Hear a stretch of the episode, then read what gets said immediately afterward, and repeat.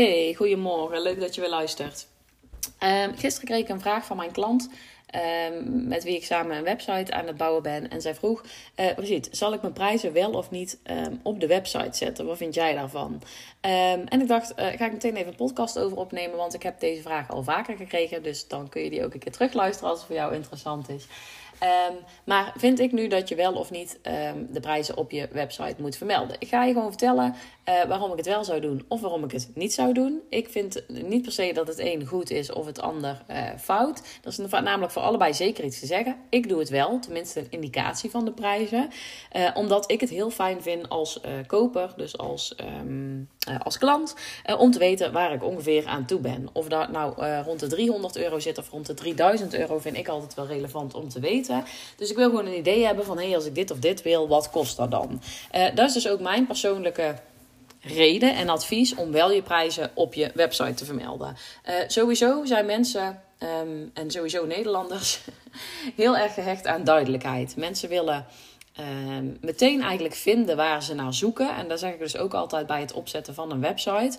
Uh, zorg dat je website heel overzichtelijk is en dat mensen meteen kunnen vinden wat ze nodig hebben. Zorg dus voor een heel duidelijk menu waarin precies staat wat ze nodig hebben, waarin precies staat wat ze uh, zoeken. En zorg ook voor een hele duidelijke homepage. Dus gewoon waar je binnenkomt, zorg dat er heel duidelijk staat uh, wat jij te bieden hebt, voor wie jij er bent, wat je doet. Uh, dus zorg dat je ideale klant meteen weet, hé, hey, ik zit goed. En dat hij dan gewoon meteen hetgeen kan vinden waar dat hij naar op zoek is. Dat is dus al heel belangrijk. Mensen houden van duidelijkheid, van overzicht. Uh, ik nou overzicht? Ja, ik zei overzicht. Overzicht.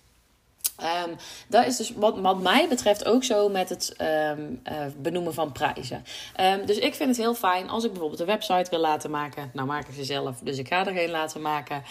Maar als ik een website zou laten maken of als ik een andere dienst van iemand af uh, wil nemen, kan bijvoorbeeld ook een coachingstraject zijn.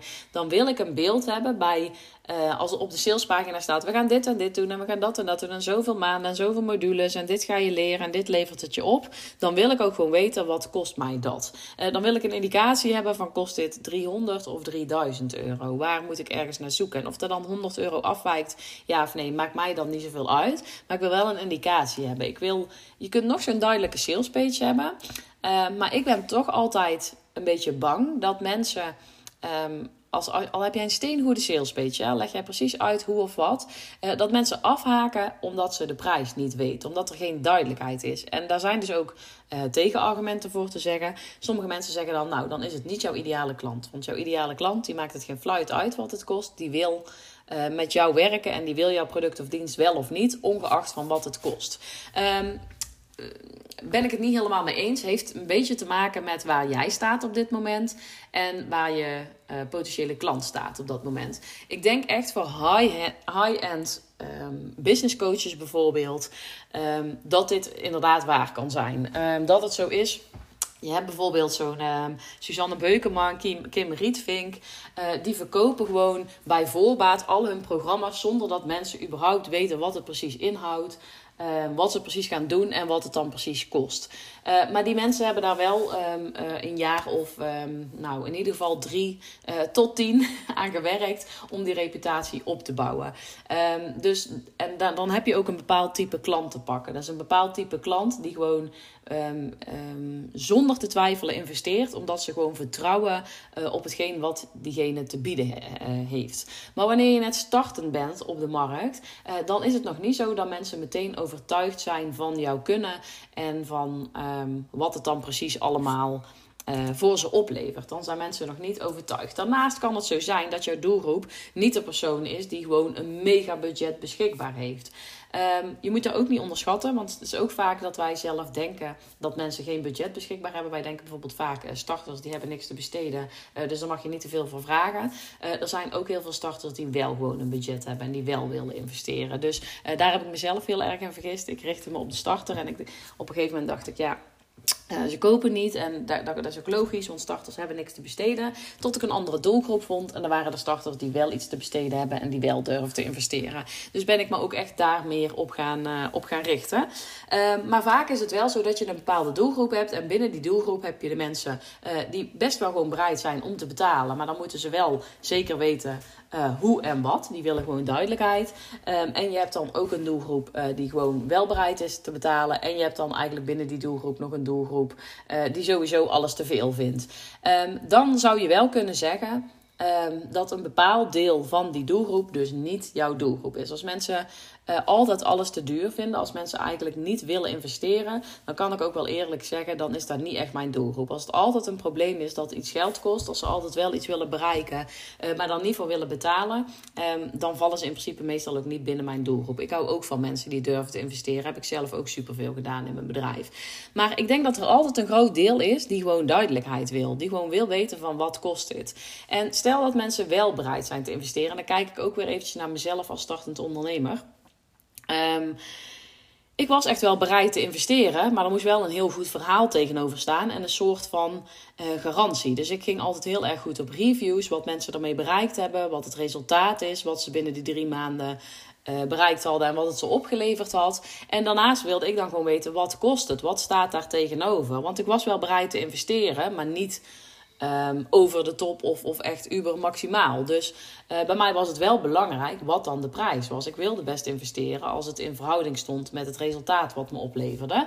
Maar ik hou wel van duidelijkheid. En ik was wel diegene die op een gegeven moment als er geen prijs stond afhaakte. Ik ga dan niet een mailtje sturen of een berichtje van... hey, ik heb je programma gezien, wat kost het? Nee, dan haakte ik af en ging ik verder kijken. Dus ik denk dat daar best een grote doelgroep zit... die dan op een bepaald punt afhaakt. En die dan denkt, nou, dan laat maar zitten... of ik kijk morgen wel even verder en morgen ze weer niet even verder. Dus dat is wel mijn reden waarom ik mijn prijzen vermeld. Ook voor mensen die wel willen investeren. Het is gewoon transparant dan. Het is duidelijk, het is helder.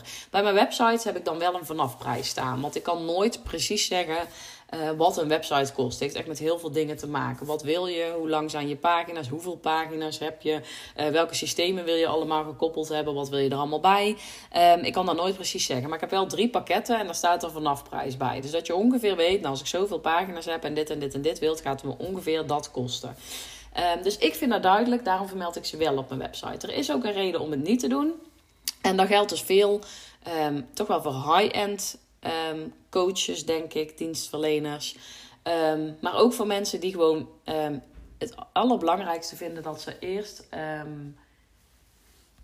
nou, die eigenlijk gewoon eerst willen filteren of diegene die op hun um, aanbodpagina komt, ook echt hun ideale klant is. En dat kan bijvoorbeeld zijn wanneer je echt intensief met iemand samen gaat werken. Uh, wanneer ik bijvoorbeeld een online training verkoop om je website te laten maken, is het voor mij niet heel relevant of mijn ideale klant, die bereik ik meestal wel door wat ik omschrijf en doordat ik me daarop richt. Maar is het voor mij niet heel relevant wat voor persoon het is, omdat ik daar eigenlijk uh, niet echt één op één mee samenwerk. Ik, ik zie wie hem koopt, diegenen gaan daarmee aan de slag. Ze komen in een Facebookgroep, daar kunnen ze af en toe een keer een vraag stellen. Uh, maar verder gaat die persoon helemaal zelf die website maken en gaat hij helemaal zelf met de video's aan de slag. Ik heb dus weinig één op één contact. Wanneer jij een uh, coachingsprogramma aanbiedt van bij wijze van drie of zes maanden. Uh, misschien wel van een jaar. Um, en je gaat iemand heel intensief begeleiden. Je gaat een live dag doen, je gaat één op één sessies doen. Uh, je gaat heel intensief met die persoon samenwerken. Dan is het wel heel belangrijk om eerst eventjes te checken Um, of de ideale klant wel daadwerkelijk bij je past. En of die wel bereid is om te investeren. Of hetgeen wat hij wil bereiken wel aansluit bij wat jij uh, te bieden hebt. En dan is het fijn om te weten of je een klik hebt. En dan kun je bijvoorbeeld zeggen: nee, ik wil eerst een gesprek. Dan ga ik kijken van past deze persoon bij me. En dan vertel ik ze de prijs. Om eerst gewoon te kijken uh, of deze persoon wel bij me past. Of het wel uh, kloppend is. Uh, en dan ga je daarna de prijs noemen en kijken uh, wat die persoon daarvan vindt. Ook omdat je eigenlijk wilt dat mensen niet um, afhaken op de prijs. Het kan bijvoorbeeld zo zijn dat iemand jouw salespagina leest. En dat hij denkt, wow, super tof aanbod. Maar jeetje, 4000 euro, dat is wel heel veel geld. En dat hij daarop afhaakt. Terwijl wanneer hij met jou in gesprek zou gaan, wanneer hij jouw energie zou voelen, wanneer jij uh, van A tot Z um, één op één gewoon uh, in real life zeg maar kunt vertellen wat het die persoon op gaat leveren, wanneer je zijn vragen nog kunt beantwoorden die hij nog heeft, dat hij dan misschien aan het einde van het gesprek wel bereid is om die 4000 euro te betalen. En dan zou het jammer zijn als je die persoon laat gaan, omdat je die eigenlijk op de website al laat weten wat het kost en dat hij daarop af gaat haken. Dus dat kan een reden zijn om je prijzen niet te benoemen. Je prijzen niet benoemen kan ook een goede reden hebben, omdat je niet wilt dat de concurrentie je prijzen ziet. Ik vind het zelf geen goede reden, maar ik hoor die wel vaker. Van ja, dan, dan weet de concurrentie precies wat ik vraag voor um, dit of voor dat. Um, maar dat vind ik persoonlijk geen goede reden. Ik, ja, ik geloof ook niet meer zo in concurrentie. Eerder misschien wel, maar nu niet meer. dat zul je altijd hebben. Er zullen altijd mensen zijn die het voor veel minder aanbieden als jij. Er zullen ook altijd mensen zijn die het veel, voor veel meer aanbieden als jij. Het is heel belangrijk dat je gaat kijken naar welke waarde jij te leveren hebt en wat jij daar tegenover stelt. Het maakt dus eigenlijk geen fluit uit wat die prijs is. Uiteindelijk, als je ideale klant te pakken hebt, maakt die prijs niet zoveel meer uit. Um, dus vind ik persoonlijk geen goede reden. Verder zou ik me um, geen andere reden kunnen bedenken, behalve die ik zei, dat je echt even één op één contact gehad moet hebben, waarom je de prijzen niet zou vermelden. Maar misschien wel een leuke vraag om te stellen aan deze podcast. Uh, hoe kijk jij hier tegenaan? En ik ben ook wel benieuwd waarom zou jij het wel of niet doen? En denk daar voor jezelf eens ook over na. Uh, maar mag je ook eventjes met me delen als je dat wilt. Uh, via Instagram vind ik wel leuk om te horen. Ik ben er wel heel benieuwd naar hoe jij hier tegenover staat. Ehm, nou, dit is dus mijn mening over het wel of niet um, vermelden van je prijzen. Er is iets voor te zeggen om het wel te doen. Er is iets voor te zeggen om het niet te doen. Persoonlijk doe ik het wel. Vind ik het helder en transparant. Uh, maar er is ook een, uh, een reden waarom je het niet zou kunnen doen. Um, ja, en die heb ik dus net aan je verteld. Ik hoop dat je er iets mee kunt en dat je er iets mee opgeschoten bent. En um, nou, ik spreek je weer in de volgende podcast.